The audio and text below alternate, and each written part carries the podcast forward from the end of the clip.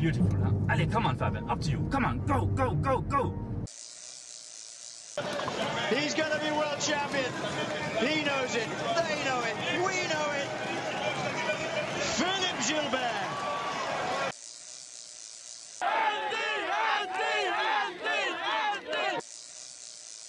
A brilliant win for Alberto Contador, and he's now race leader. Count him home, scream him on. We're doing so. Ah, he takes it. Joy for cycling fans globally. What an effort that was. This is a big, risky move by Andy Schleck, but he's got to take this move. Fabian Fabulous Cancellara. Froome crosses the line, a tremendous show of strength. Andre Greipel is proving he's got the power here this afternoon. Sagan is coming clear to get his first stage win at the first attempt. What an incredibly good ride by Cadell Evans that was today. Mark Cavendish gets four out of four wins in the last four years in Paris.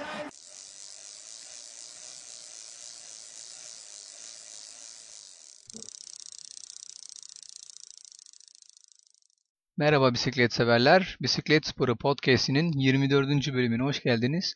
Bu bölümümüzü özel olarak pazar günü tamamlanan Türkiye turuna ayırdık. Bu sene 49.sü düzenlendi Cumhurbaşkanlığı bisiklet turunun. 21-28 Nisan arasında koşuldu ve zaten hemen geçtiğimiz pazar günü İstanbul'daki son etapla tamamlanmıştı. Şimdi bu bölümde Türkiye turunu bir baştan sona bir konuşup değerlendirmeye çalışacağız. Özgür abi merhaba. Merhaba, nasılsın? İyiyim sağ ol. Sen nasılsın? Nasıl gidiyor? Ben de iyiyim, teşekkür ederim. Bildiğin gibi işte gayet normal, yoğun şekilde devam ediyor. Aynen. Bizim işte tabii şey farkı oldu biraz. Türkiye tur olmasıyla özellikle benim hem Twitter'dan hem de sitedeki yazılara gelen biraz ilgiden de anladığım kadarıyla hani ne kadar bizim ülkemizde bir organizasyonda yarış olduğu zaman her zaman daha fazla bir ilgi duyuluyor. Tabii basının da ilgisi buna paralel arttığı için muhtemelen bu da bir etmen olabilir ama hani benim de gördüğüm hakikaten diğer yarışlara oranla hani mesela bahar klasikleri vesaire yani diğer normalde önem olarak çok daha önemli olabilecek yarışlarla kıyasladığımızda kıyaslamamıza rağmen kıyaslasak bile bizim tur hep daha fazla ilgi çekiyor gibi gözüküyor. Bu sene de öyle oldu. Hatta geçen sene de öyleydi.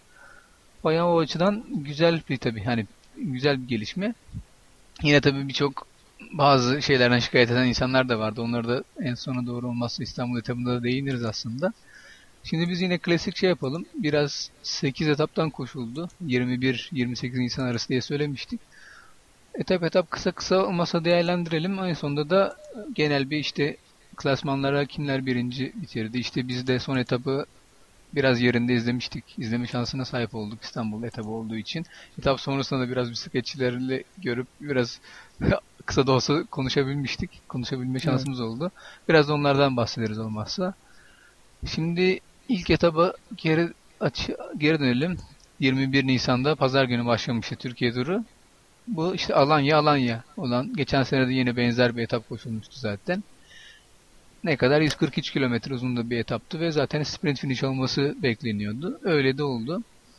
Bir Marcel Kittel, iki Andre Greipel, üç de Konya Torku Şekerspor'dan, daha doğrusu Torku Şekerspor herhalde bu seneki özellikle değiştirdikten sonra isimleri, Yuri Metlüşenko oldu. Bu zaten biraz bilindik bir senaryo. Hani 1-2 çok büyük favorilerdi bu sene tura, yani Türkiye turuna gelirken Kittel ve Greipel. Metlüşenko tabii biraz sürpriz oldu. Özellikle ilk etaptan daha böyle bir podyumda yer alabilmesi, etap podyumda yer alabilmesi için açısından. Ama tabii Kittel ve Greipel'i bekliyorduk. Bunun yanında mesela Guardini, işte Teabos ya da işte Tiolek gibi isimler de aslında beklenebilirdi ama onları ilk etapta göremedik. Zaten Teobos'u sonraki etaplarda da çok fazla göremeyeceğiz. O da ikinci etapta evet. hemen geliriz ona. Aynı şekilde Renshaw'da evet. Aynen Renshaw'da. Zaten Renshaw artık şey gibi oldu. Hani kendi de kabul etmiş durumda. Eğer Teobos'la bir yere beraber yarışa katılıyorsa ona bir şekilde liderlik yapması gerekiyor. Hani zaten de takımda normalde Hollanda takımı olduğu için Mateo Bos Hollandalı olduğundan dolayı hani biraz daha takımın istekleri o yönde oldu, oluyor genelde. Artık onu da Renshaw kabul etmiş durumda. Hatta sanırım yavaş yavaş O da Cavendish'le tekrar bir araya gelmenin planlarını yapıyor. Özellikle zaten kontratı Evet da bitecek o bu sene. takımın sprint lideri olmak umuduyla gitti ama yine kendini lead out man olarak buldu. Öyle Aynen. bir durum var yani.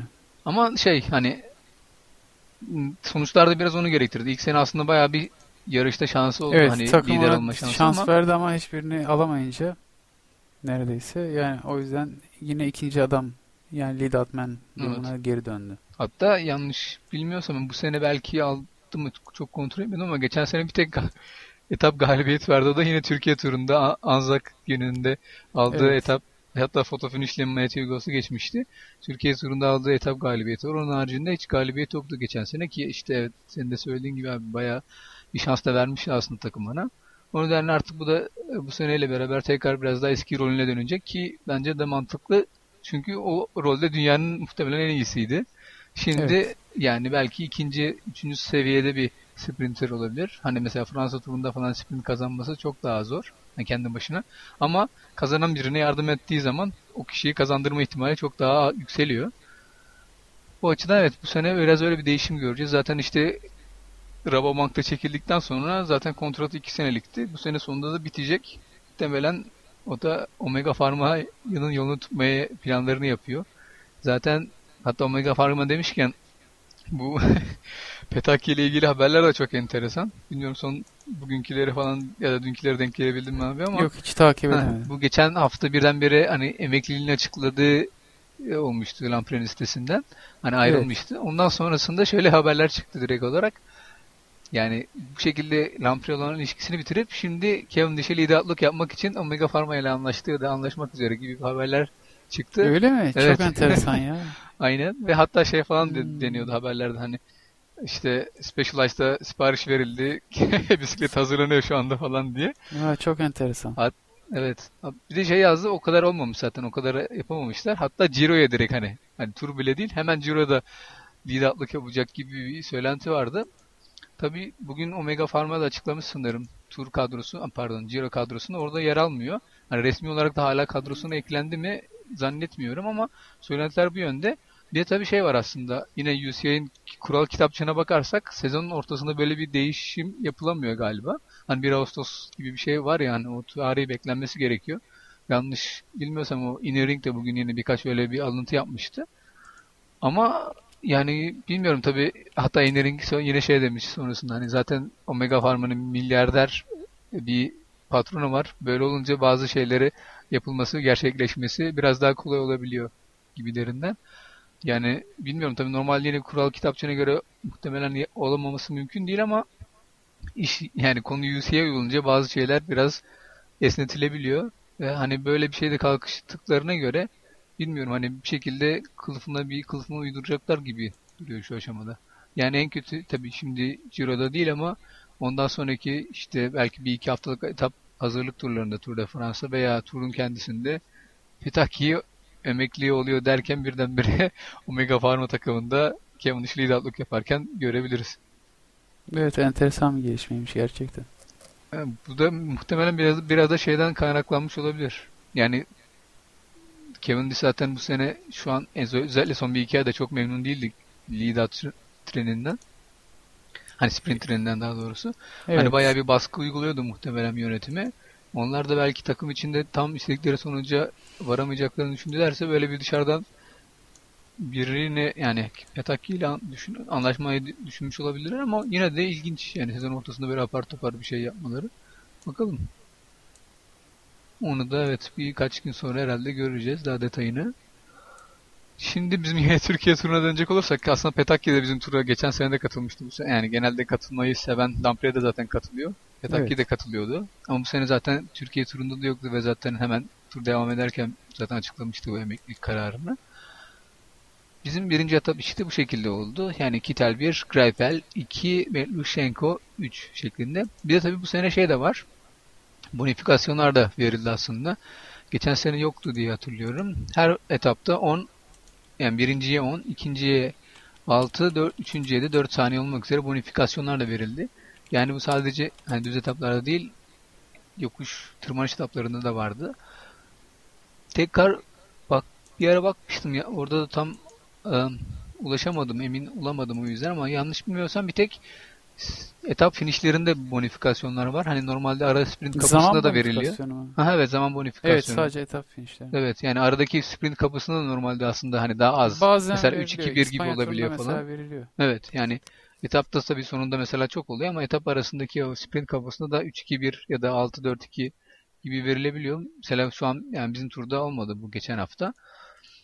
Ciro'dakine kontrol edemedim. Onu bir dahaki bölümümüze Ciro'yu değerlendirirken tekrar bakarız ama şey biliyorum. Ciro'da da mesela bu sene bütün etaplarda var ve ciddi bir e, süre verecekler.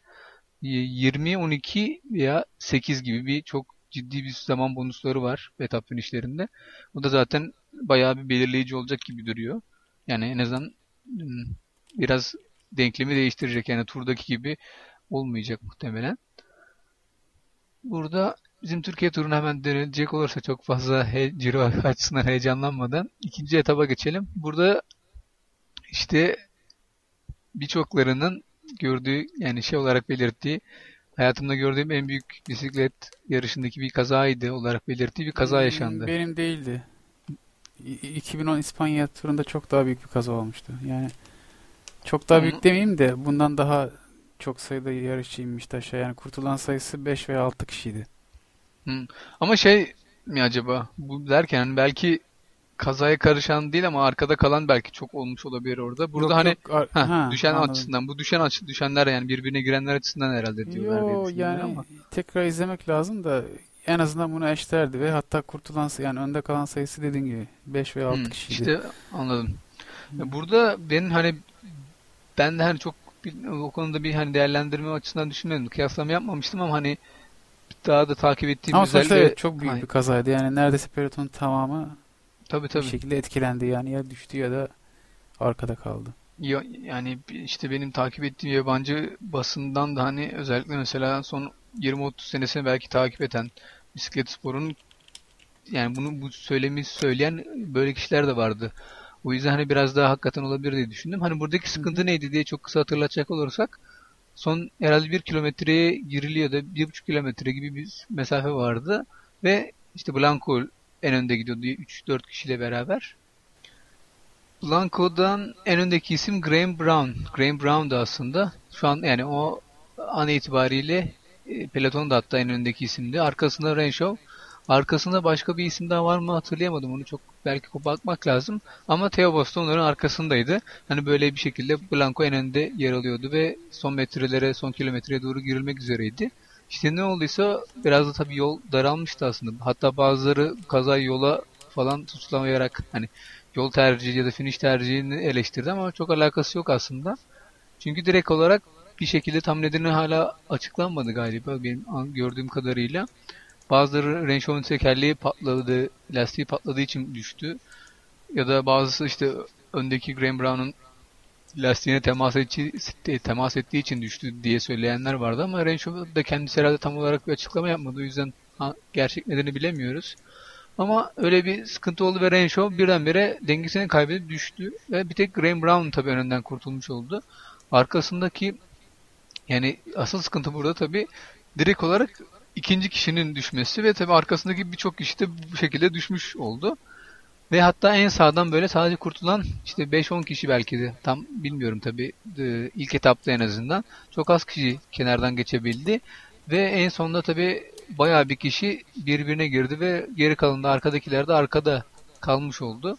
Tabii böyle sprint finishine doğru sadece bir kilometre gibi bir mesafe kalmış olduğu için de kurtulanlar arasında bir sprint mücadelesi, küçük bir sprint mücadelesi yaşandı ve farklı bir biraz da sürpriz bir isim kazanmış oldu. O da Orca Greenwich'ten Litvanyalı Aidis Krupis oldu.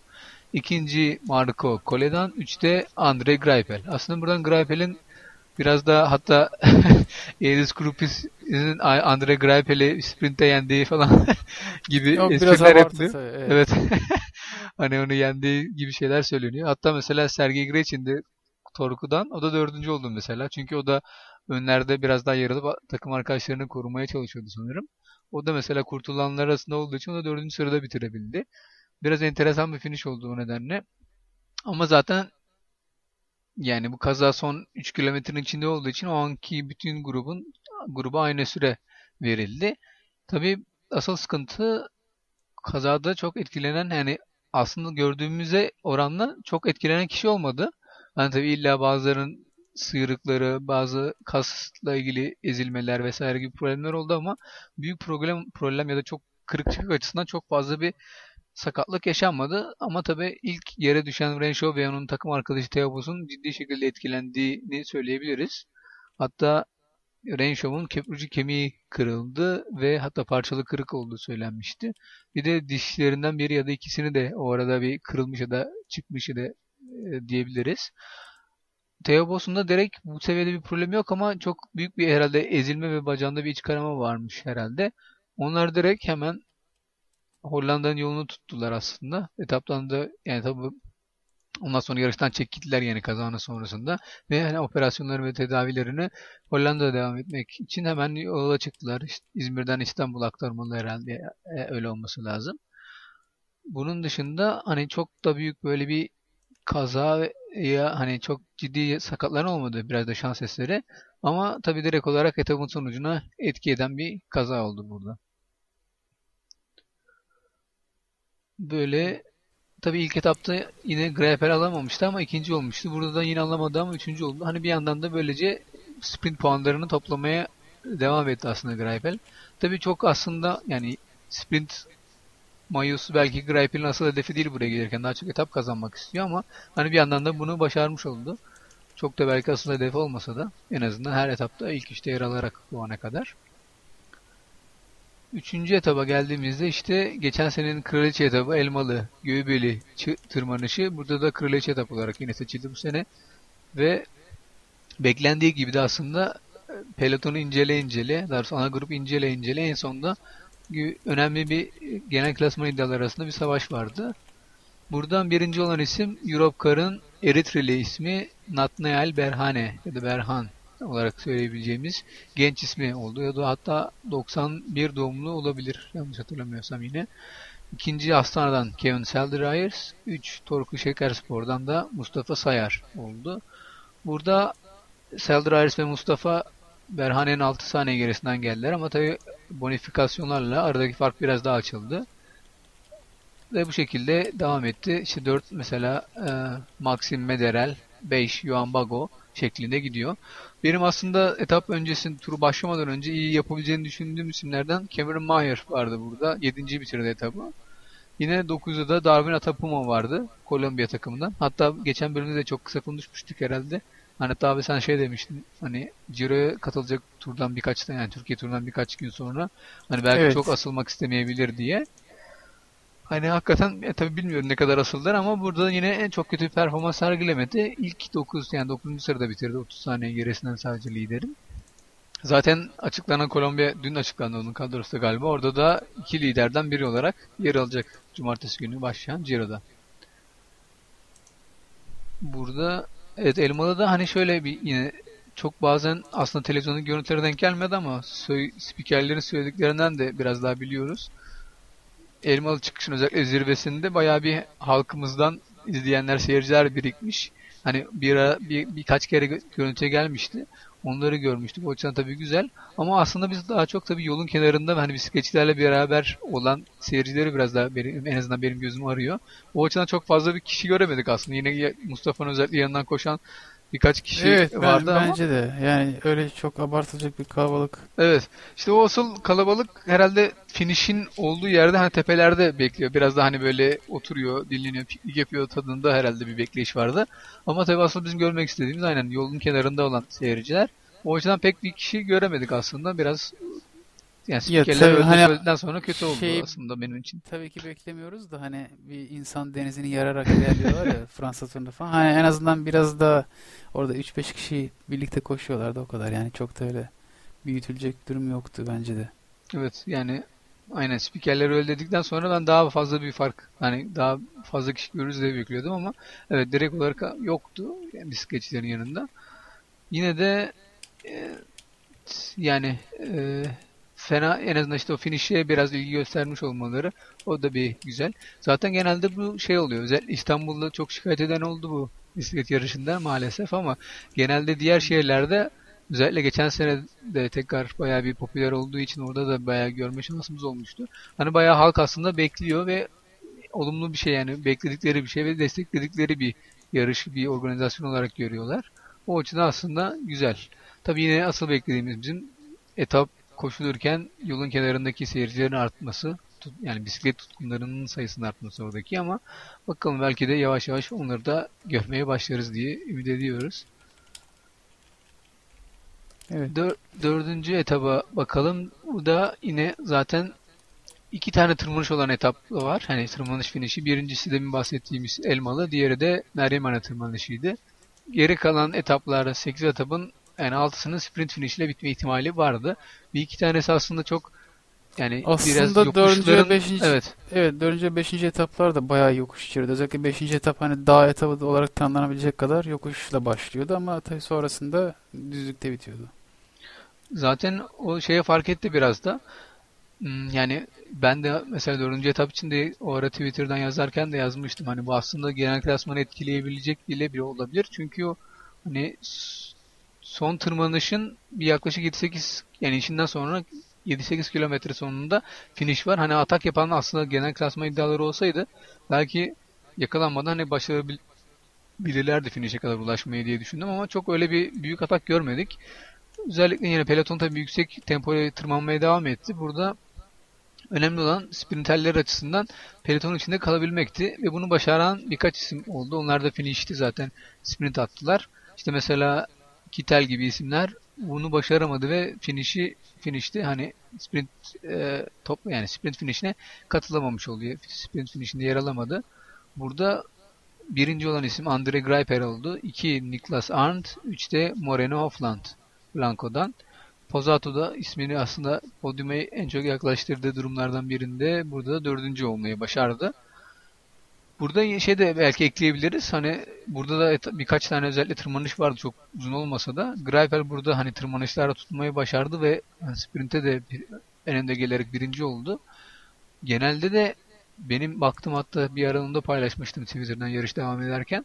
Hakikaten Greipel'in çok iyi tırmandığını görüyoruz. Evet. Sadece bu ve etap değil. zaten evet kesinlikle çok iyi tırmandı. Yani bütün sprinterler dökülürken o tırmanışlarda Greipel yani tırmanışlar birlikte kalmayı başardı. Hatta ben Gravel'den onun bilgisini de vereyim. Hatta onu işte paylaşınca bayağı şaşırmıştım. Gravel e, sağ genel klasmanda kaçıncı bitirdi diye ilk defa bir sprinterin sonucuna baktım. Böyle bir etaplı yarış sonunda. Greipel sadece işte birinci olan genel klasman birincisi Mustafa'nın Mustafa Sayır'ı 14 dakika 9 saniye gerisinde bitiriyor 8 etaplı turu. Ve asıl belki daha ilginç olan bilgi 175 kişi finish görüyor yani tam olarak zaman limitleri içerisinde 8. etap sonunda 175 kişi de Greipel 35. genel klasmanda. Yani onun seviyesi yani onun boyutlarında bir onun kilosunda bir sprinterin hiç herhalde görünmediğimiz bir ye- yerde hakikaten. O yüzden hani sadece o sprintle aldığı etaplar değil hani Elmalı ve Çelçuk tırmanışlarında bile gayet iyi tırmandığını buradan görebiliyoruz. Bakalım bu da mesela şey açısından düşün yani bazıları da öyle yorum yaptığını gördüm.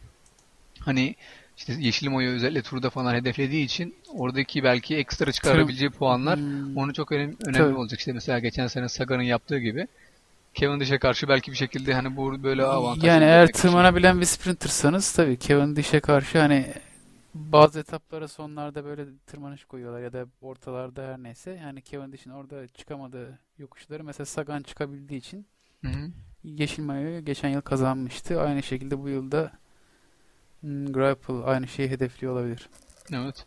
Ve geçen hafta mesela Tour de Romandy'de vardı aslında. Orada da mesela yani tabii daha çok Türkiye turunu takip ettiğim için çok her yarış, her etabı izleyemedim. Birkaç tanesine bakabildim ama oradaki yorumlarda hani zaten finish sonuçlarına baktığınız zaman da anlayabiliyorsunuz. Kevin Dish'in hep böyle yokuşlarda takıldığı, tırmanışlarda takıldığı ve işte mesela takım arkadaşı Meyersman'ın gidip etap galibiyeti aldı veya etaptaki sprinte katılabildiği yarışlar oldu. Hatta hani bazıları Cavendish turda yarıştı. Tour de Romandy'de belki görmemiş olabilirsiniz. Gilder'den cümleler kuruyordu.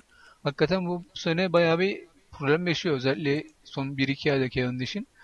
Bakalım onu da Ciro'da neler bekliyor onu da göreceğiz. Özellikle Ciro'nun parkuruna bakarsanız zaten bir sonraki bölümümüzde biraz daha belki değerlendirebiliriz.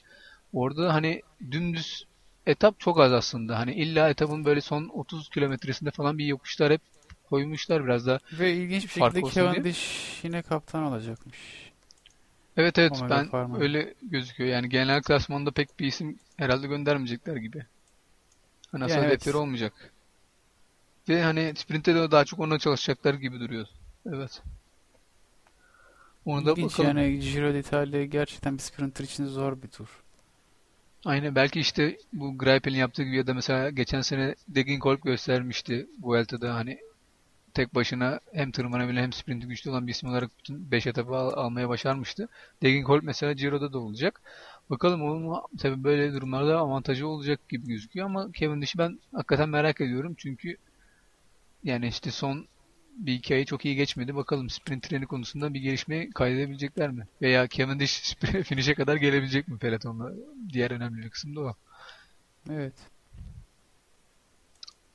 Buradan 5. etapa geçelim. 5. etapta da yine Greipel ismini görüyoruz. İkinci Matteo Trentin Omega Pharma Quick Step'ten. Üçüncü de Niklas Arndt oldu. Yine Argos Shimano'dan. Burada da yine Kittel'in finish'e gelemediğini ve onun yerine takım arkadaşı Niklas Arndt'ın geldiğini, onun üçüncü olduğunu görüyoruz. Bu 5. etap demişken Kittel de aynı şekilde hiç yokuş tırmanamayan bir sprinter. Evet evet.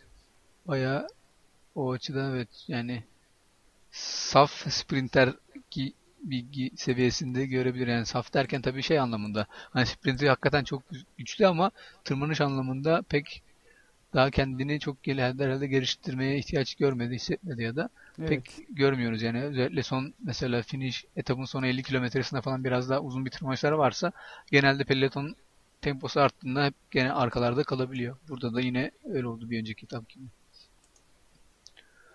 Burada 5. etap demişken olmazsa bizim yazısında yazdığım podyum töreninde yaşanan öpücük krizinden de çok az bahsedelim. Hani ya işte ilginç bir neden aslında bu kadar işte podcast'te konuşuyoruz yarışlar işte ben de yazmaya çalışıyorum birkaç yazı vesaire yani Twitter'da da paylaşıyoruz sporla ilgili ama bu yazıyı yazdıktan sonra o kadar çok okunduğunu fark ettim ki hani benim muhtemelen siteye yazdığım en çok okunan yazının 5-10 Hmm, katı kadar okundu evet, sadece evet. 2-3 günde. Hani Evet, işte daha çok sporun kendisinden ziyade böyle şeyler konuşuluyor maalesef bizim ülkemizde. Burada da ne oldu onu bahsedelim. Normalde hani hepimizin yurt dışındaki yarışları izlediğinde podyum törenlerini gördüğümüz zaman biliyoruz. İşte ne oluyor? Bir etap podyumu, etap yarışı ise eğer etap podyumu yapılıyor. İşte etapı ilk sırada bitiren bisikletçiler çıkıyor. İşte bir orada işte podyum kızı deniyor işte İngilizce'de. Biz de öyle kullanabiliriz belki de. Oradaki görevli e, görevli kız da işte elinde çiçeklerle yanaklarından öperek tebrik ediyor bu bisikletçileri ve işte bir- birer çiçek hediye ediyor. Bir buket çiçek veriyor. Ondan sonra işte fotoğraf çekilebiliyor. Hatta ondan sonrasında birinci olan kişiye iki taraftan da iki podyum kızı yanaklarından öperek öyle poz veriyorlar. Hani etap galibiyeti ya da diğer klasman galibiyeti ya da liderleri için geçerli bu. Bu şekilde bizim de ilk dört etapta böyle oldu. Yani etap podyumları düzenlendi. Etapta ilk üçte bitiren bisikletçiler çıkıp onlara hediyeleri verildi. Yani çiçekler ve diğer hediyeler verildi. Sonrasında klasman liderleri işte yani genel klasman, tırmanış, puan klasmanı ve Türkiye güzellikleri klasmanındaki liderler de geldi. Ve onlara da aynı şekilde kutlamalar yapıldı. Ama 5. etapta birden çok ilginç bir senaryo gördük. Hatta ben o arada sanırım ofiste idim ve hani Eurosport Player'dan izliyordum. Tabii Eurosport yayını daha kısa sürüyor TRT'ye göre. Ama evde de TRT yayını biraz kaydediyordum o kısmını. Belki sonrasında evde izleyebilirim diye. O biraz şansıma denk geldi. Hani Eurosport'tayken göremedim ben podyum törenini. Ama atılan tweetlerden bayağı durumu anlamıştık. Hani podyum kızı işte bisikletçiden kaçtı vesaire gibi şeyler yazıyordu. Çok anlam veremedik hakikaten niye öyle oldu diye. Sonra işte ben burada yazıda da yazdım onu da koyarız podcast'in notlarına. Hani işte yanaklarını öperek bisikletçileri tek, tebrik etmesi gereken anda ve bizim podyum kızımızın daha mesafeye durup öpmeyi yeltenmediği hatta öpmeye çalışan öpmeye çalışan demeyelim sanki hani bu komik bir terim gibi oluyor. Yani Ya normalde gelenek. hani, evet, Gelenek çünkü. için, evet. Hani tebrik ediliyor. Sonuçta bu hani özellikle Avrupa'da ve yani dünyanın geri kalanında bu bir standart bir şeydir. Hani görgü kuralı gibi bir şey yani burada tebrik ederken böyle olur. Hani bisiklette de bunun geleneği var zaten. Hani öyle gayri ihtiyari eğilen bisikletçilerin bazılarında havada kaldıkları ve tekrar e, bir garip anlar yaşandıktan, naaş durumlar yaşandıktan sonra çiçeklerini alıp hayatlarına devam ettikleri gözle yani gör, görmüş olduk. Bayağı hatta bir iki durumda bayağı ilginçti. Mesela Greipel'in fazla agre agresif davranarak yine de tebrik aldığını görmüş gördük mesela. Ama diğer bisikletçilere mesela bazıları işte öpülemedi vesaire öp, öpmedi ya da yeltenmedi. Neyse çok detaya girmeyelim. Böyle tuhaf durumlar oldu ve işte bayağı da konuşuldu. Ben de bunu hani biraz yazdım. Neden böyle oluyor? Hani ilk etap, ilk dört etapta doğru giderken niye birdenbire vazgeçildi gibilerinden. Hatta federasyon başkanı da bunda etap sonrasında işte bir sonraki etapta her şey normale dönecek gibi açıklama yapmış. Yani bana şey gibi geliyor. Bir tane bürokrat ya da bakan ya da herhangi birisi böyle hani bisiklet konusunda en ufak bir fikri olmayan birisi işte kızların bisikletçilerin öptüğünü görüp bu ne böyle böyle şey mi olur işte falan bu ne terbiyesizlik falan gibi laf ettiyse hani birileri de kraldan çok kralcılık yapmış olabilir. Gibi yani muhtemelen tabii yani oradaki kızların kendilerince bir karar verdikleri ben de düşünmüyorum. Çünkü ilk, ilk dört etapta öyleydi zaten. Hani birdenbire evet. bir şey değişmiyor ve zaten hani bu muhtemelen oraya göreve gelirken öyle bir şey olduğunu biliyorlar. Yani ne yapacağım diyor mesela görevde. Evet. İşte tebrik edeceksin yanaklarını öperek çiçek vereceksin. Yani görev mesela tanımı budur. Evet. Yani yapacağı şeyler belli aslında. Çok sınırlı sayıda yapacağı iş oluyor buradaki podyum töreninde. Hani o da belli aslında. Öncesinden de belli. İlk dört etapta da böyle oldu. Muhtemelen böyle bir karar geldi daha yukarılardan. Sonraki etaplarda da ben tekrar takip ettim sırf bunun için. Ne nasıl oldu? Biraz düzelme vardı. Yani o yanaklarından öperek bisikletçileri, çiçekleri verildi ama şeyden vazgeçilmiş oldu. Hani direkt birincinin iki e, podyum kız tarafından öpülerek verildiği poz fotoğrafından vazgeçilmiş. Sadece işte yanaklarına tebrik ederek çiçekleri veriliyordu. Yani o da tabii e, yani o naaş görüntülere göre o da daha iyi bir durum tabii ki de ama asıl tabii görmek istediğimiz hani asıl bisikletin de geleneğinde olan bu ufak tefek yani belki çok önemli olmayacak bir detayların aslında bizim de yapabiliyor olmamızı isterdim ben de ama tabii biraz öyle olmadı. Bakalım yani seneye yine farklı bir senaryo yaşayabiliriz. Çünkü bu bazen bizim ülkemizde olabilen durumlardan işte başka spor organizasyonlarından da biliyoruz. Hani başladığı şekilde gitmiyor. İlla bir yerde birisinin gözüne batıyor belki de ya da hoşuna gitmiyor olabilir. Ondan sonrasında da böyle değişikliklere gidiliyor. Böyle bir işte 5. etapta böyle yer aldı. Benim asıl şeyini bekliyordum aslında. O biraz e, engellenmiş oldu. Biraz da şansla beraber. Hani yani bizim ülkemizde konuşuruz. Bunu zaten daha önce de gördük. Benzer bir senaryo görmüş oluyoruz ama özellikle Eurosport'un yayına çıksaydı ve hani Avrupa'da vesaire de görüntülenseydi hakikaten o zaman bayağı ilginç yorumlar gelebilirdi diye ben bekliyordum. Muhtemelen işte Eurosport'un yayınında yer almadığı için çok fazla ben bas, yabancı basından görmedim bunun yenilmesini. Evet, Çok Onun haricinde aslında şey yani yabancı basının konuşabileceği tarzda konulardan bir tanesi. Çünkü hani özellikle işte Katar turu, Umman turu olsun. Hani daha çok doğu taraftaki ya da Müslüman ülkelerdeki yarışlara farklı bir gözle bakılabiliyor. Hani farklı bir gözle derken sonuçta farklı gel gelenek ve görenekler olduğu için hani aradaki farklılıkları daha kolay yakalıyorlar. Öyle bir şeyler bekliyordum ama biraz da o açıdan herhalde şanslıymışız diyelim. Oradaki yayına çıkmayınca da o tarafları e, o taraflarda bir yankı bulamamış oldu bu e, bu durum. Neyse buradan devam edelim. Asıl genel klasman belli oldu. 6. etaba geçelim. Burada da işte Meryem Ana yokuşu tırmanıldı. Yaklaşık herhalde 5-6 kilometrelik bir tırmanış vardı etapın sonunda. Ve genel klasmanı belirleyen son etapta bu oldu. Birinci sırada Torku Şekerspor'dan Mustafa Sayar yer aldı. 2 Kofidis'ten Johan Bago. 3 de yine Kofidis'ten Nicolas Ede. Burada e, bu etabı birinci sırada gelen Natnael Berhane yani Europe Car'ın bisikletçisi, lideri 12. sırada yer aldı 43 saniye gerisin, ger, gerisinde Mustafa Sayar'ın. Diğer bir isim Kevin Seldryers ise bayağı bir gerilerde kaldı. Hatta bakıyorum. Seldryers bir problem yaşadı sanırım çünkü yani emin değilim ama çok çok arkalarda kaldı. Hani ilk ilk ona ilk onu kaybetti yani bu etapla. Tabii tabii ben şeye baktım hani şey diyor 1.27 gerisinde kalmış Mustafa'nın.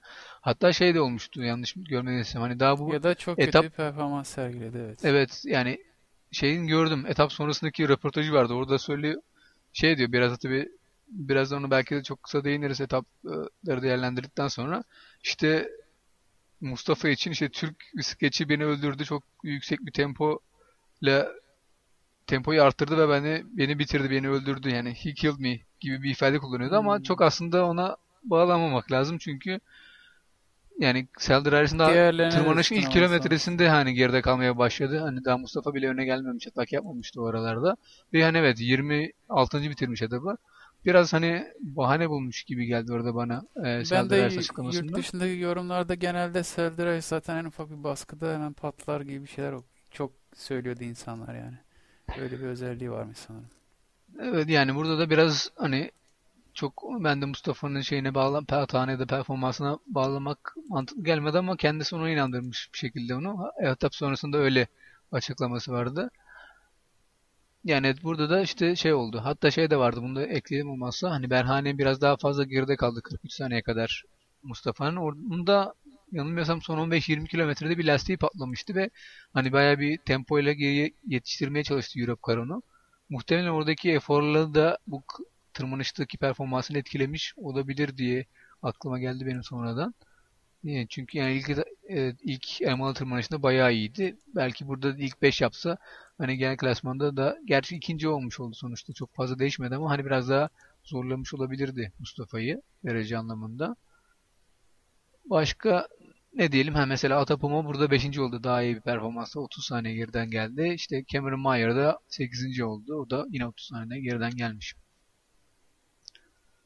Sonrasında 7. etaba geçtik. Burada yine geçen sene İlya Kayse'nin bütün jeneriklere giren Aynen. o- kaçışında düş, düşüp de tekrar kalkıp Hı hı. kazandığı virajda yine yine kaza oldu.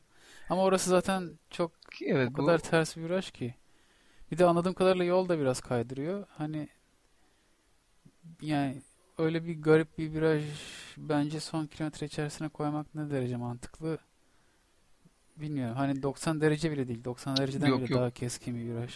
yani şöyle falan hatta yani 180 demeyelim de Ters hani böyle V 100, gibi değil. 130 Evet. derece gibi bir şey yani 140 derece gibi bir şey. Evet. Hani bir taraftan girip 90 derece değil bayağı bir dönüyoruz. Geriye doğru dönmemiz gerekiyor Evet. farklı bir şekilde. Yani eğer Ki bu sefer çok kontrollü girdiler. Bayağı bir yavaşlayıp girdiler ama yine de düşüldü yani kaza oldu. evet yani orada şey istediğimiz o büyük kazanın olduğu Alanya ikinci etapta An- Alanya Antalya etabında da mesela işte şey diyorlardı demiştim orada da hani etap belki finişi değiştirilebilir bu kadar bir kaza neden oldu diye. Aslında etapın profilinde bir sürü problem yoktu orada. Yok Asıl orada değiştirmesi yoktu. Orada gerekiyorsa bu etap değiştirmesi Evet. lazım. Çünkü çok hakikaten bir geçen sene de bunu konuşmuştuk hatta abi sen de. Hani bu böyle bir şey finish olmaması lazım son bir kilometre içinde hani çok enteresan bir viraj konulmuş diye. Bu sene de aynı finish yine vardı. Aynı derecede, aynı mesafede yaklaştılar finish'e. Aynı viraja girdiler. Ve yine kaza oldu. Orada önde kurtulan isimlerden işte Kittel birinci oldu. Geçen sene Kaiser'in arkasında ikinciydi. İki Guardini, üçte Maximiliano Richeze oldu Lampre'den. Burada mesela işte e, Greipel mesela arkalarda kaldı kazaya takılıp öyle olması öyle evet öyle oldu. İşte Kittel de buradan bunu değerlendirerek bu sefer birinci olmayı başardı. İzmir etabı ve son etaba gelelim. İstanbul son gün pazar günü koşulan. Burada da yine tabii beklediğimiz gibi birkaç grup oluştu çok erken. Hatta Sultanahmet'ten daha çıkmadan oluştu gibi bir eh, şey vardı, anekdot vardı. Çok erken 3 kişi kaçmaya başladılar. Ama yine son bir, bir buçuk tura kadar Bağdat Caddesi'ndeki tura kadar yakalanmadılar. Son bir turda da yine Ignatiev yanlış hatırlamıyorsam kaçışına devam ettirdi tek başına ama son tur içinde yakalandı o da ve toplu sprint finishini gördük İstanbul'da alıştığımız gibi. Burada da yine Kittel 1, 2 Guardini, 3'te Andrew Fenn oldu. Mesela İstanbul'da da son turda 4. kaza oldu yine. Evet. Hatta Cameron Mayer dedi o kazaya karışmış. Bu bacağının yan tarafı bir yaralı falandı. Ben tam anlamamıştım. Yarıştan sonra gittik ya yani. Hmm, evet Mayer. ben orayı göremedim o kısmı. Aha, bacağının yan tarafında road rash tabir edilen Hmm. yaralardan vardı. Ben tam emin olamadım. Hani kazaya oradan karıştı yoksa daha önceden kalma bir şey mi? Çünkü çok taze gibi de görünmüyordu ama demek orada olmuş. Evet, muhtemelen. İşte yine kazasız bir etap olamadı yani ilginç bir şekilde. O da o da biraz şey aslında o cadde bostanından gelen yak yani Tabii o da şey yolundan yol gelen sahil yolu da biraz faal çünkü ağaçlardan dolayı yol bir parçalanıyor bir tekrar Tabii. birleşiyor. Tehlikeli. Biraz zor. Bir de mesela bu Strava diye bir web uygulaması var. Hı hı. Orada belki biliyorsun ha biliyorsun zaten. Hani bu Garmin vesaire cihaz olan yarışçıların bazıları da Hmm, şey segment rekoruna sahip Evet. oluyor. Ha, ben o Caddebostan'daki segment rekoruna baktım. Şimdi kim tam hatırlayamıyorum da bakmam lazım Strava'ya. Ha, 55 kilometre ortalamayla almışlar. Yani Kadık Kadıköy'den şeye kadar olan Bos Caddebostan diyelim. Oraya kadar olan yeri saatte 55 kilometre ortalamayla geçilmiş. Bir önceki yılda başka birisi yine 54,5 ortalamayla geçmiş. Evet, ben şey hatırlıyorum. Yani geçen sene bu senekine bakmamıştım da geçen sene işte Cad Bağdat Caddesi veya işte sahil yolundaki birkaç segmente bakmıştım. Tabii işte bu hani e, Strava'yı kullanan birkaç bisikletçinin hep rekorları vardı. Geçen sene Türkiye turuna katılan tabii rekorları eline ellerine almışlardı. Orada da şey gözüküyordu. Hani mesela bir bisikletçinin tabii birkaç kere tur attığı için bir segmenti birkaç kere geçmiş oluyor. İşte Evet. ilk turlarda mesela işte 40 ortalamaya geçmiş, sonra 43, 45, işte en son tur mesela 55 hani Evet. iyice tempo artmış. Muhtemelen bu sene de yine öyle olmuştur. Hakikaten çok yüksek hızlar. Hatta geçen sene de yine son etapta kaza olmuştu. Son kilometre, bir kilometre içinde Matthew Goss falan düşmüştü. Evet. Bu arada hatta kimin olduğunu buldum. Şu an o Caddebostan segment rekoru onda Davide Frattini United Hmm. Healthcare'den 55.7 kilometre ortalamayla ve 162 nabız ortalamasıyla geçmiş o sektörü. Şey, Buradan da- segmenti. Evet. Segment evet. Evet hakikaten burada da yani biraz daha biraz tehlikeli olabiliyor. Burada da işte bu, bu seneki kaza gerçi çok büyük değildi işte. Hani benim gördüğüm kadarıyla 4-5 belki 6 Evet, kişi evet. falan karıştı ama yine de tabii kaza ufak bir kazaydı. Burada Greipel'in mesela biraz geride kaldığını görüyoruz. 10. bitirmişti. 10. bitirdi bu etabı. İşte Kittel 1, Guardini 2 oldu demiştik. Mesela sprinterlerde adı hiç geçmeyen Gerard Çölek mesela bayağı benim biraz şaşırttı aslında. Özellikle işte Milan San Remo gibi çok efsanevi bir anıtsal klasik zaferine ulaştıktan sonra pek göremedik ortalarda. En azından bir iki etapta hani podyum belki zorlar diye bekliyordum ama hiç yani oralarda bile gözükmedi. İşte mesela başka kimler var? İşte Sasha Modolo ikinci etaptaki kazada da biraz yaralanmıştı sanırım. O da pek ortalarda görünmedi. O açıdan hani sprinterler açısından çok şey olmadı. Çok fazla farklılıklar görmedik. Yani farklı isimleri görmedik önünde. İşte Kittel, Greipel zaten üçer ikişer etap alarak don bayağı domine ettiler. İşte Guardini Evet, aslında Guardini ve Çölek yaptı. biraz hayal kırıklığı. Özellikle Çölek Milan Sanremo'nun galibi ve yani Tirreno Adriatico'da da çok her etapta önlerdeydi. Bayağı gelecek için umut vaat eden bir sprinter zaten şu an MTN Quebec takımında ve genç bir sprinter. Yani sonuçta Milan Sanremo'nun galibini Türkiye'de izlemiş olduk. Bir yanıyla da öyle de bir herhalde bildiğim kadarıyla bir ilk olabilir. Milan Sanremo'nun galibinin Türkiye'ye gelmesi. Gerçi şey tabii mesela Petaki geldiği için oldu ama hani Ha, o- geçmişteki evet, yıllardaki geçmişteki ama ben hani Evet. o yıl Tabii, kazanıp tabii. da gelen Aynen. anlamda söyledim. Evet, yoksa Petaki var evet. Mesela hemen aklıma geldi ama evet o açıdan mesela şey vardı galiba geçen sene hmm, yani galibiyet olarak değil de Paris-Roubaix'i ikinci bitirmişti Sebastian Evet. Turgo. O da gelmişti mesela. Bu gelmişti evet. O da gerçi Türkiye turunda pek bir ismini duyuramadı etaplarda. Çünkü aslında öyle çok pure bir sprinter değil o da ama daha çok klasikçi bir özelliği var. O da çok herhalde uymadı. Yani asıl sprint finishlerini görememiştik onu çok fazla en önde en azından etap galibiyeti açısından. Evet bu arada şey böyle hani hazır son etaba gelmişken genel klasmanı ve klasman liderlerini de söyleyelim. Ondan sonra biraz daha bir iki değerlendirme daha ekleriz. Son etapta aslında son iki etapta genel klasman değişmedi. İşte Selçuk'taki etap sonrasında 6. etap sonrasında olduğu gibi kaldı en azından ilk sıralar. Nedir bunlar? Birincisi Torku Şekerspor'dan Mustafa Sayar. 2 Europcar Natnael Berhane. 3 de Kofidis'ten Johan Bago oldu. İşte Cameron Mayer bizim de biraz etap sonrasında konuştuğumuz Cameron Mayer 6. oldu. Atapama da 7. sırada bitirmeyi başardı. İşte Seldereis da o kötü biraz 6. etapta kötü performans sonrasında 11. olarak bitirmeyi durumunda kaldı genel klasmanı. Burada diğer klasman liderlerine bakarsak hangisinden başlayalım? Sprint klasmanında, sprint puanları klasmanında Greipel birinci oldu. 2 Kittel, 3 de Francesco Lasca oldu Kaharo Rural'den.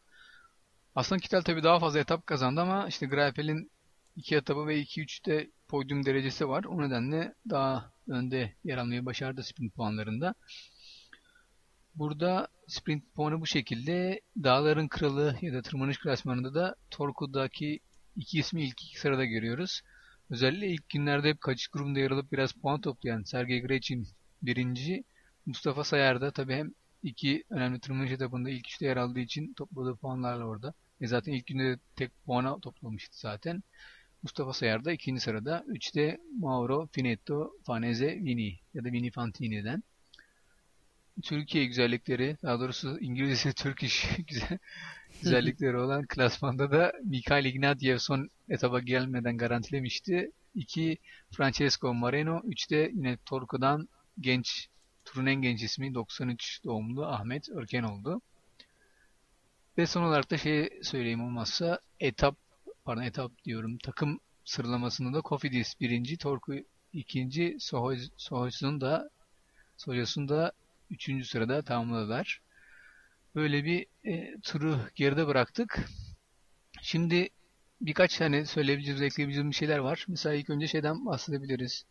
Kısaca olmazsa bu işte e, hani çok belki detayına gir, girmek istemiyoruz aslında ama çok konuşulduğu için ben Twitter'da bayağı bir biraz atışmak gibi bir durumda kaldığından dolayı biraz ondan bahsedelim olmazsa. İşte Mustafa Sayar'ın genel klasman liderliğini, genel klasman zaferinden bahsedelim. Burada hani biraz ben özetleyeyim abi sen de çok belki genelde yorum yapmak istemiyorsun bu konuda ama biraz da belki bir şeyler söylersin üstüne. Hani ne oldu? Burada yabancı basının özellikle 6. etaptaki Mustafa'nın galibiyeti hatta etaptaki atağıyla beraber çok büyük bir itirazı ve bir öfkesi vardı benim gördüğüm kadarıyla.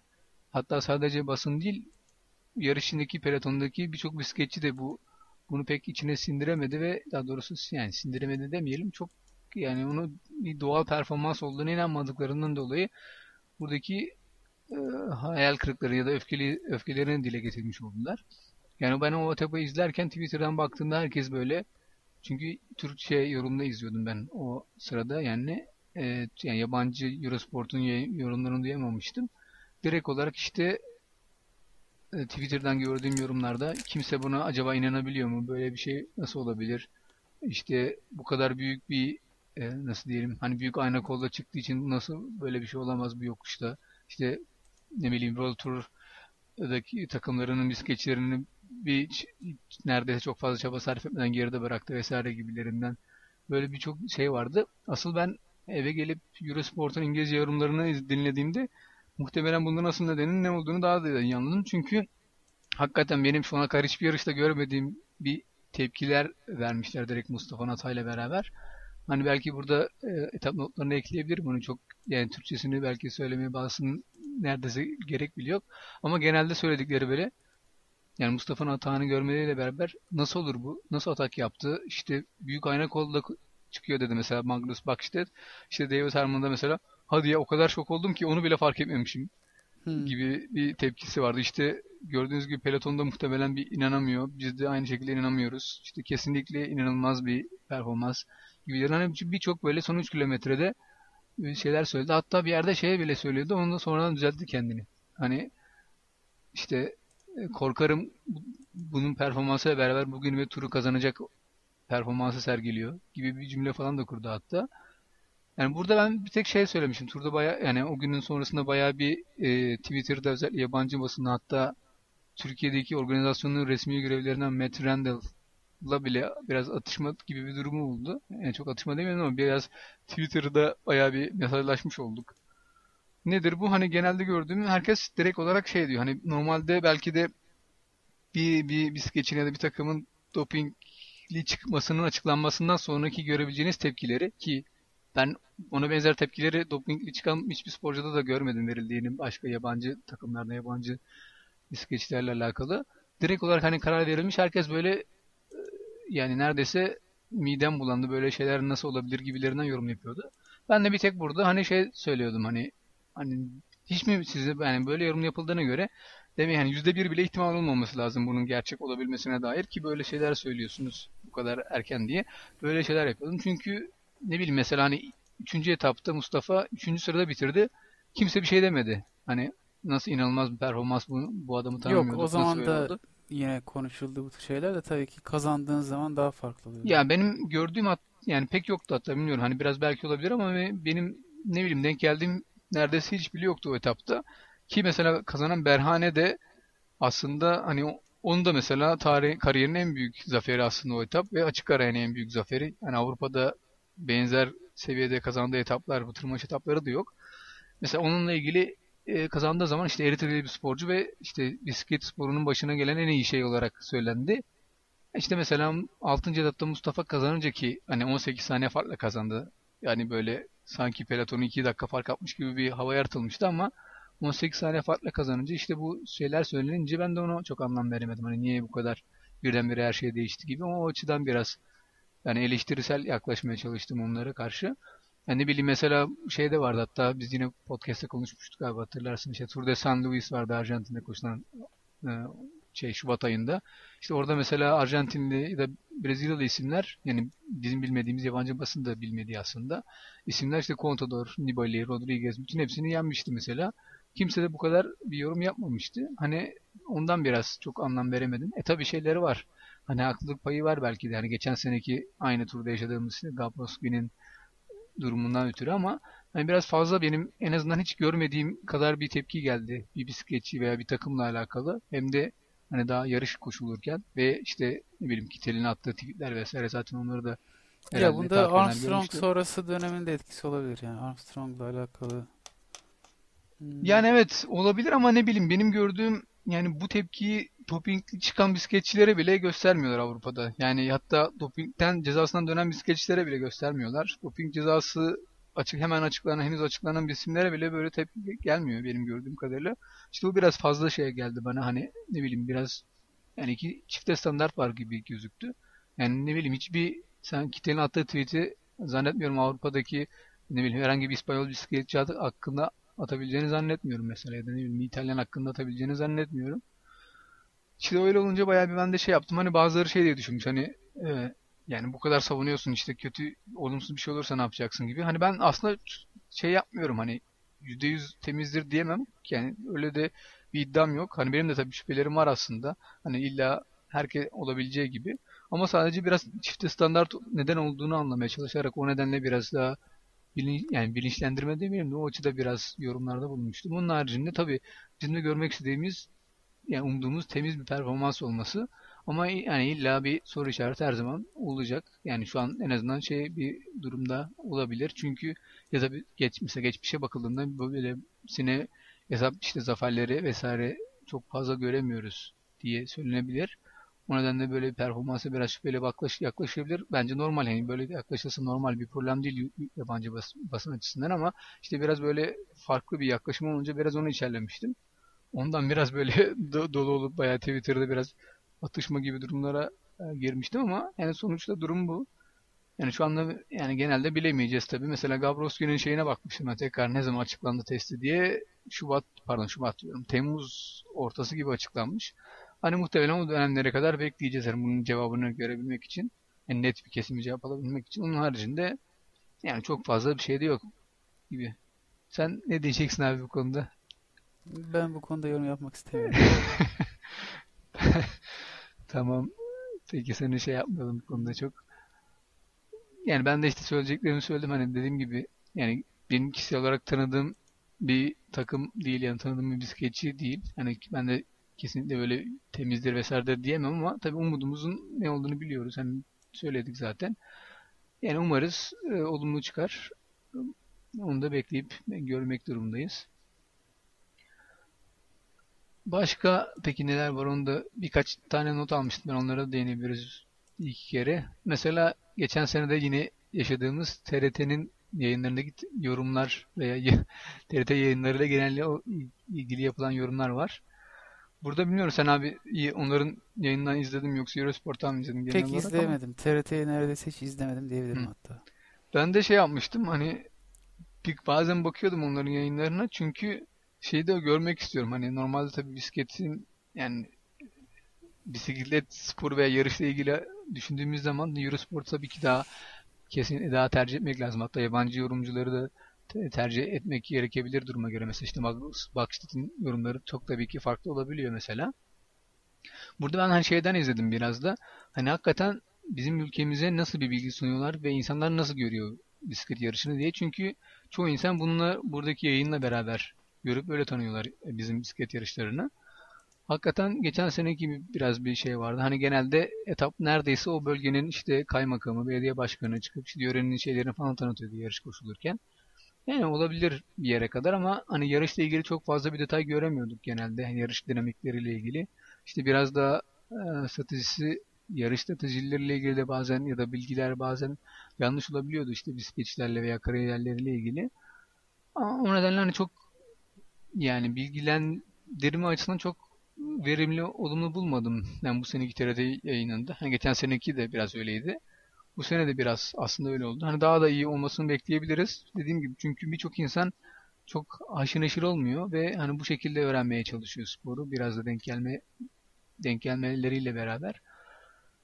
Burada ama işte çok öyle olmadı. Onu da gördük. Genelde yani, e, yayınları Eurosport'tan da daha uzun sürüyordu aslında. Erken başlayıp daha da geç bitiyordu ama hani biraz daha farklı bir formatta yayın, yayına devam ettiler.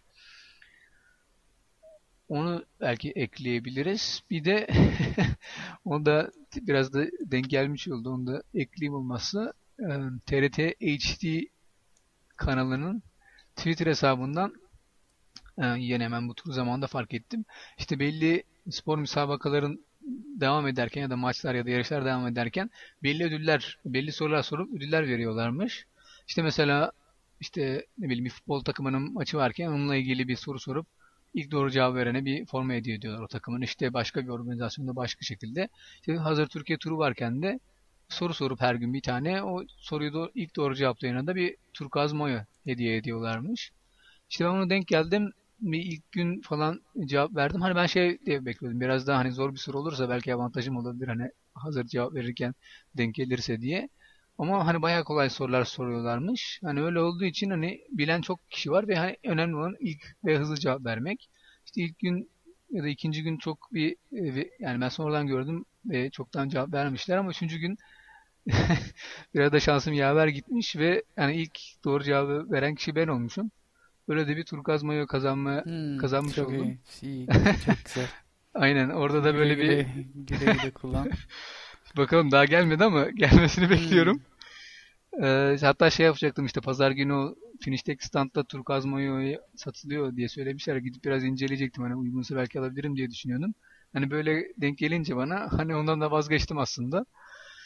Bakalım geldiği zaman tekrar burada da olmazsa tekrar söyle, söylerim ama şu anda bir kazanmış olmam gerekiyor. Zaten onlar da onaylı onayı verdiler sonrasında. Çünkü aynı anda böyle 30-40 tane tweet atılıyor neredeyse bir dakika içinde. Çünkü çok kolay soru soruyorlar.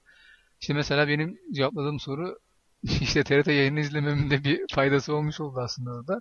İşte TRT yayınındaki e, yorumcu ve spiker kimdir? Adı ve soyadlarını nelerdir diye sormuşlardı. Ben de hemen yazıp göndermiştim. İşte o arada en hızlı ben göndermişim. Ve işte biraz da öyle şansla da e, kazanmış olduk. Dediğim gibi forma gelirse geldiğinde de onu tekrar olmadı fotoğrafını falan koyarız paylaşırım. Öyle bir değişik bir anekdot da yaşamış olduk. Onu da ekleyeyim ve son güne gelelim abi. Biraz da istersen şeyden bahsedelim. Yarışın haricinde sen mesela ne kadarını görebildin? Sen de son direkt Bağdat Caddesi kısmına gelip izlemiştin son etabı. Yani peloton gelip geçerken gördüm. Ha, birka- aynen. İşte zaten şey yok. Finişi çok göremedim. Yani kitlerin evet. kazandığını gördüm ama yani onu seçtim de çok hmm. yakından izleyemedim kalabalıktan dolayı. Aynen. Ben de geçen sene biraz daha geç inmiştim. Hani ilk bir Sultanahmet'teki startı gördükten sonra televizyonda izleyip inmiştim. Bu sene biraz daha erken indim. Hatta neredeyse yarış başlamadan indim. Hani biraz da şey görmek istedim. Bağdat Caddesi'nde falan hava nasıl diye. Hakikaten şey açısından güzel. Hani birçok insan Tabii maalesef çok kalabalıktı. Evet kalabalık ve şey hani yollar kapalı olduğu için şikayet eden çok ha, insan onu diyorsun. olmuş ama Anladım. Evet. şey açısından iyiydi. Hani oradaki Bağdat Caddesi'ndeki insanları görürseniz hani trafikte kapalı olduğu için işte mesela yoldan bisikletiyle geçen, işte bebek arabayla geçenler, yürüyenler böyle hani çok sakin ve hani çok güzel bir ortam vardı. Yani Bağdat Hakikaten Caddesi modern... her gün öyle olsa ne güzel olur. Aynen. Kesinlikle işte. Hani bazı insanlar bisiklet yarışının olmasından ötürü yolların kapanmasına medeniyette böyle şeyler olur mu diye hayıflanmış. Bence işte tam tersi medeniyet asıl o ortamda evet. oluyordu. Hakikaten çok ben hoşuma gitti. Fotoğrafla da birkaç tane çekmiştim. Onu Twitter'dan paylaştım. Olmazsa onu da eklerim buraya, bu yine podcast notuna. Hakikaten böyle hani şey bir ne bileyim şey Amsterdam, Hollanda ya da Kopenhag'daki bir fotoğraf gibi böyle. Hani işte geniş bir cadde var. işte bisikletçiler dolaşıyor sakin bir şekilde. Yürüyenler var. işte bebek arabaları. Ne bileyim kaykay patenle geçenler falan. Çok da güzel bir atmosferdi hakikaten. Ve bu Şaşkın Bakkal civarında bir dev ekran kurmuşlar. Onu da hoşuma gitti. Yani, yani yarışı en başından itibaren takip etme imkanı orada da vardı Bağdat Caddesi üzerinde. Ben de hani hazır yarışın bir kısmını daha takip ettim oradan. İlk 2-3 turu da orada izledim aslında. Hani peloton ve kaçış grubunu orada izledim Bağdat Caddesi üzerinde. Sonra işte sahil tarafına geçip önce finish olduğu alana geçtim. Biraz orada biraz etrafa baktım. Hani orası da mesela bayağı enteresan şekilde kalabalıktı. Ama çok sıkışıktı biraz fazla hani işte yemek yeme yeri vesaire ufak ufak standlar da vardı. Fazla biraz kalabalıktı. Sonra dışarı çıkıp biraz daha ileride takım arabaların sonrasında bir iki tur daha izledikten sonra zaten finish geldi. Ben de finish'i tam böyle hani hemen göremedim ama Kittel'in elini kaldırdığını o anı görebilmiştim. Asıl tabii şey önemli olan biraz da bizim için belki daha farklı olan zaten finish'i görmek değil ama finish sonrasındaki o yani bisikletçilerin arabaların etrafındaki yarış sonu e, halleri biraz daha ilginç oluyor. Mesela geçen sene de o daha da çok hoşuma gitmişti. Çünkü normalde pek göremediğimiz anlar oluyor. Biz de seninle zaten orada denk geldik aslında orada biraz da evet. dolaşırken. Ee, neler yaptık diye hani şey yaparsak ufak biraz dolaştık hani kimler var hani hangi bisiklet çünkü mesela podyumda çıkanlar hemen podyuma gittiği için çok fazla ortada göremiyorsunuz. İşte bazıları sinirli olabiliyor, bazıları üzgün oluyor, bazıları pek e, insanlarla aşırı neşir olmak istemiyor. Onlar da hemen arabaya kaçıyorlar. Onların dışında olan bisikletçilerle hani ufak muhabbet edebiliyorsunuz ya da fotoğraf çektirebiliyorsunuz. İşte biz de e, ne yapmıştık? İlk önce bir herhalde Orica Greenwich arabasının oraya gittik. Orada da bayağı kimse yoktu hatta etrafında. Biz bayağı gayet rahat konuştuk biraz. Biraz da fotoğraf e, çektirdik. Tabii herkes belli başlı işte Greipel'ın peşinde, Konya Torku'nun peşinde falan. Hani bu, bu takımlara pek kimse ilgi göstermiyor. Yani evet adam işte kaç ke kaç tane dünya şampiyonluğu falan var evet, ama? 9 tane ben sayabildiğim kadarıyla 9 kez işte. dünya şampiyonu. Junior dahil. evet, Sen hatta pek kimsenin tanımadığı birisi. Evet işte bizim de ufak bir avantajımız orada olmuş olsun olmuş oldu zaten. İşte önce o hazırlanıyordu Cameron Mayer. Sonra işte o ara Alan Davis'te görmüştük. Önce onunla biraz çok az konuşup ona fotoğraf çektirdik. Sonra da işte Cameron Mayer'la fotoğraf çektirdik. O da aslında çok şey yapmadı. Ben mesela turda yarışacak mısın gibi sormuştum. O hani henüz belli değildi ama dedi ama muhtemelen yarışacak çünkü şey Ciro'da yok kadroda. Evet. Zaten Kaliforniya falan gidiyor. Hani genelde turda gidenlerin ta takip ettiği hazırlık rotası. Muhtemelen orada olacak gibi duruyor. Çünkü şey biraz da hani Orica Green için genel klasma iddialısı çok fazla isim yok zaten kadrolarında. Tabii. Daha çok Cameron Mayer'ı yetiştiriyorlar gibi bir havaları var. Ondan sonra başka bir de şeyle fotoğraf çektirmeye başardık. Ee, orada zaten muhabbet ediyordu. Geçen seneki takımı Kahir Rural'le birisiyle muhabbet ediyordu. Ee, Torku'nun yabancı ismi bu seneki en büyük transferi muhtemelen diyebileceğimiz David Delafuente vardı. O da öyle gayet rahat arkadaşımla muhabbet ederken bizde onun da pek tarayan yoktu aslında. O da başıboş duruyordu bir kenarda evet. diyebiliriz hatta. Ona da ufak bir çok muhabbet etmedik aslında ama hani fotoğraf çektirdik. Sonra da çok fazla bir şey olmadı. Hani bir iki takım arabalarından böyle e, bu tur için özel imal edilen muslukların dağıtıldığına denk geldik. Ben onları hatta. attım biliyor musun? Bana verdikleri sulukların hepsini attım. Onlardan su içilmiyor. Muhtemelen o yüzden bol keseden dağıtıyorlardı. Hem birkaç takım kendi suluğunu kullanmış muhtemelen o yüzden. Çünkü içmek mümkün değil onlardan su. Çok kötü kalitede. O hani ağzındaki içmek... şeyden. Su gelmiyor yani. Gelmiyor ya da mu? alakasız bir yere gidiyorsun. Böyle yandan akıyor falan. ben de hani daha şey yapmadım. Ben biraz temizledim. Hiç kullanmadım da. Hani ilk bir... Yok ben attım direkt. Ha, bir tanesini yarıştayken kapmıştık biz. O denk gelmişti. Sonraki 4-5 tanesi de hani hatta bir, bir iki tanesi elimize direkt verdiler hani böyle kurtulmak evet. amaçlı gibi. Hiç istememize gerek kalmamıştı. Direkt hani elimize tutuşturdular bir anlamda oradaki yabancı görevliler diyelim yabancı takımların. Ben de denemedim ama şey kapak bir tanesi kırıldı mesela ben açıp kapatırken belki de o evet, biraz problemli olabilir. Ama şey yani... açıdan ilginç. Yani her çoğu takım onu kullanıyordu aslında. O biraz ilginç olmuş. Yani herkes genelde kendi şeyini kullanır ama Hani bedava sirke baldan tatlı diyeceğim ama hani yarış sırasında da sinir bozucu olabilir o. Ya su içemiyorsun falan böyle. Garip yani. Aynen. Bir şey, evet öyle bir durum vardı. Sıkılmıyor. Yani sıkması Hmm. bir dert, içmesi bir dert. Sıkınca gelmiyor falan böyle garip yani. O yüzden attım diyorsun. Evet. Ben de şimdilik tabii duruyor bakalım nasıl olacak ama hani şimdilik biraz daha tutup bakalım duruma göre ben de olmadı senin dediğin yolu takip edebilirim. Başka neler yaptık? Ha, sen şeye denk geldim aslında biraz da onu bahsedeyim. Senden ayrıldıktan sonra en son geri dönüyorduk biz yürüyerek dönerken bu sefer şeye denk geldim. Marcel Kittel'e denk geldik. O da Hmm. işte podyum törenine gittiği için geç gelmiş. Hatta takım arabası gitmiş. Doğrusu takım minibüsü diyelim gitmiş. Bir tek takım arabası ufak hani yarışta kullandıkları araba Anladım. kalmış. Onu, Onu bekliyor, bekliyorlar. O Kittel gelince yine etrafında bayağı kişiler vardı.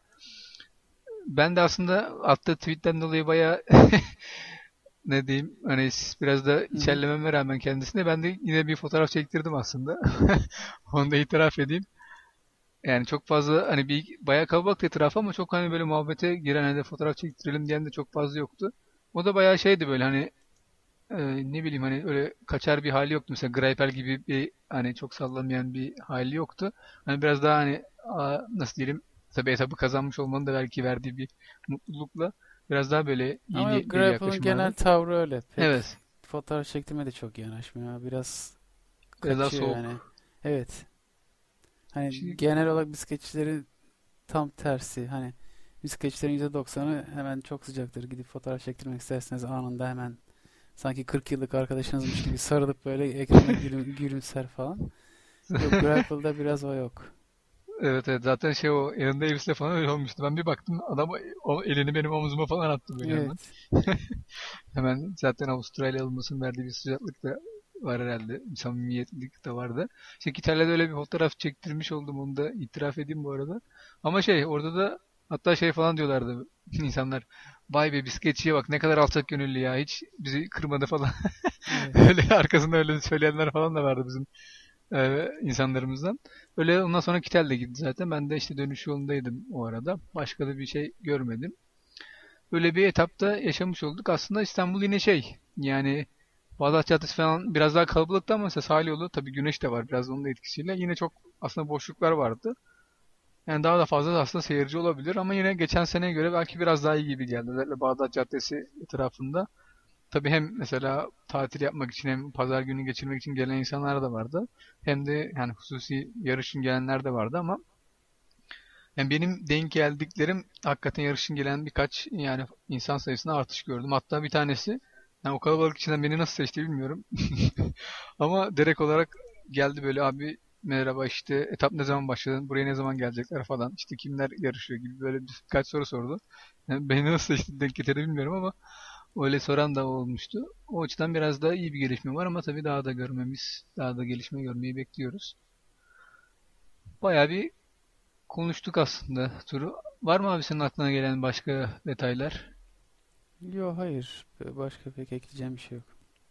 Peki sana bir de şey sorayım o zaman kapatmadan aklıma gelmişti benim bu yarış hatta şey devam ederken tur devam ederken birkaç tane e, kişiye de sormuştum. Hem Twitter'ın hem de e-mail'le yabancı yine e, yazarlardan ya da basından diyelim birkaç kişiye hani Türkiye turunu geliştirmek daha iyi götürebilmek açısından neler yapılabilir ya da mesela takvimin neresinde yer alması gerekir diye birkaç soru sormuştum da mesela sen ne dersin bu konuda? Aslında ben şey açıdan takvimde en uygun, en uygun yerde diyebilirim. Çünkü İtalya turuna gidecek olanlar için çok iyi bir hazırlık dönemi oluyor. Yani çünkü eskiden takvimin daha erken dönemindeyken klasiklerle çakışıyordu ve yani sonuçta mesela buraya gelecek olan birçok kişi atıyorum Çiolek olsun, Cameron Mayer olsun ya da işte Greipel ya da Greipel gerçi klasikleri pek iş yapmaz da yani birçok önemli yarışı mesela Pozzato geldi. Pozzato klasiklere gidecekti. Yani o klasiklere Tamam. gidecek olan yarışları getiremiyorsunuz öyle bir şey olunca. E, daha geç olsa İtalya turuyla çakacak. Bence takvimde olası en uygun yere oturmuş durumda şu anda. Tek eksiklik belki şey diyorlar. Hani yurt dışında da çok konuşuluyor bu. Bu kadar tırmanışları arttı biraz şeyin. Hani artık daha ciddi hı. bir tur oldu. Belki bir 15 kilometrelik bir zamana karşı Aynen. konmalı ki o hani o Dengelesin şey biraz. dengelensin gibi bir şey var ama o zaman da bir etabı zamana karşıyla hani bizim insanımızın çok da anlayamayacağı bir tarzda bir etapla Çünkü İstanbul'daki zamana karşı tabii tam bir felaketti. Belki tesadüftü bilmiyorum da. Yani görevli sayısı izleyen sayısından çok daha fazlaydı. O prologda iki yıl önce. Yani öyle bir şey var ama onun dışında tur genel olarak ben yabancı forumları da takip ediyorum. Çok beğeniliyor. Giderek artan bilgi var ve hatta yani World Tour olması olmayı hak ediyor falan gibi yorumlar çok Evet. fazla. Yani tabii şey açısından yani Türk- Yani yükselen bir tur olarak görülüyor. Evet. Mesela Tour de Romandie için genelde ve başka bir iki tur için hani düşüşte Türkiye turu da yükselişte diyorlar. Genel olarak yorum bu şekilde. Yani genel olarak yabancı forumlarda, yabancı sitelerde izlediğim kadarıyla tur hem ilgi görüyor hem de beğeniliyor. Yani ben evet yani özellikle yerinden takip eden yabancı bas- basın mensuplarının %100'ünün hep şey dediğini duydum. Hani organizasyon ve lojistik anlamında en başarılı gördüğüm belki bir iki turdan bir tanesi ki hani peloton çok büyük aslında 200 kişilik bir bisiklet şeyi var hani Tour de France bile o kadar yok neredeyse hani aynı 198 kişiyle mesela yarışılıyor. O kadar bir büyük peloton aslında. Ve tabii işte bütün basın mensupları vesaire 1200 kişi falan oluyor herhalde toplam taşınması gereken. Hem işte konaklama hem lojistik anlamında hem de işte yarış organizasyonunda çok iyi olduğu söyleniyor. İşte ben bir tek şeyden dolayı takvimdeki yerini hala çok emin olamıyorum. O da yani normalde geçen senelerdeki rolü ya da profil devam etse yani sprint etapları çok fazla olsa yani yine fazla da yani şimdi genel klasman direkt olarak tırmanışlar belirliyor. Daha çok sprinterlere yönelik bir tur olsa o zaman normal hani Ciro'ya tam bir hazırlık turu olabiliyor. Çünkü hani sprinterlerin öyle hani Ciro'dan 3-4 gün önce bile dönseler e, İtalya'ya problem değil. Çünkü çok fazla hani kendiliğini her etapta hırpalamıyorlar tırmanışlarda vesaire. Ama mesela işte bu hani Atapuma için demiştik ya hani genel klasmanda Ciro'yu düşündüğü için burada çok asılmayabilir diye. İşte o açıdan biraz çok yakın olabilir gibi geliyor. Tek işte şey mi o genel klasman iddiaları açısından bakarsak Ciro'yu hazırlık an- anlamında düşünürsek işte çok asılmayabilecekleri kadar bir yakınlıkta. Çünkü bittiği zaman işte 3 gün sonra yani bir hafta sonra Giro başlıyor ama o da şey yani sonuçta 8 günlük bir etaplı yarıştan çıkmışsınız. Yani tırmanışlar da var. Yani çok iyi ideal olmamış oluyor biraz. İşte o yüzden hani biraz çok yakın gibi geliyor bana. Ondan çok emin olamıyorum. Onun haricinde yani şey açısından çok kötü değil tabii yeri de. Genel klasman anlamında biraz emin olamıyorum. Yani olabilir ama geçmiş yıllarda çok önemsiz isimler gelirken son 1-2 yılda bayağı bir arttı ilgi. Onda yani bariz bir şekilde gözleniyor. Eskiden işte yok Rabobank'ın B takımı gelirdi. Continental takımı Evet gelirdi evet falan. yok. Şimdi O- direkt World takımı geliyor.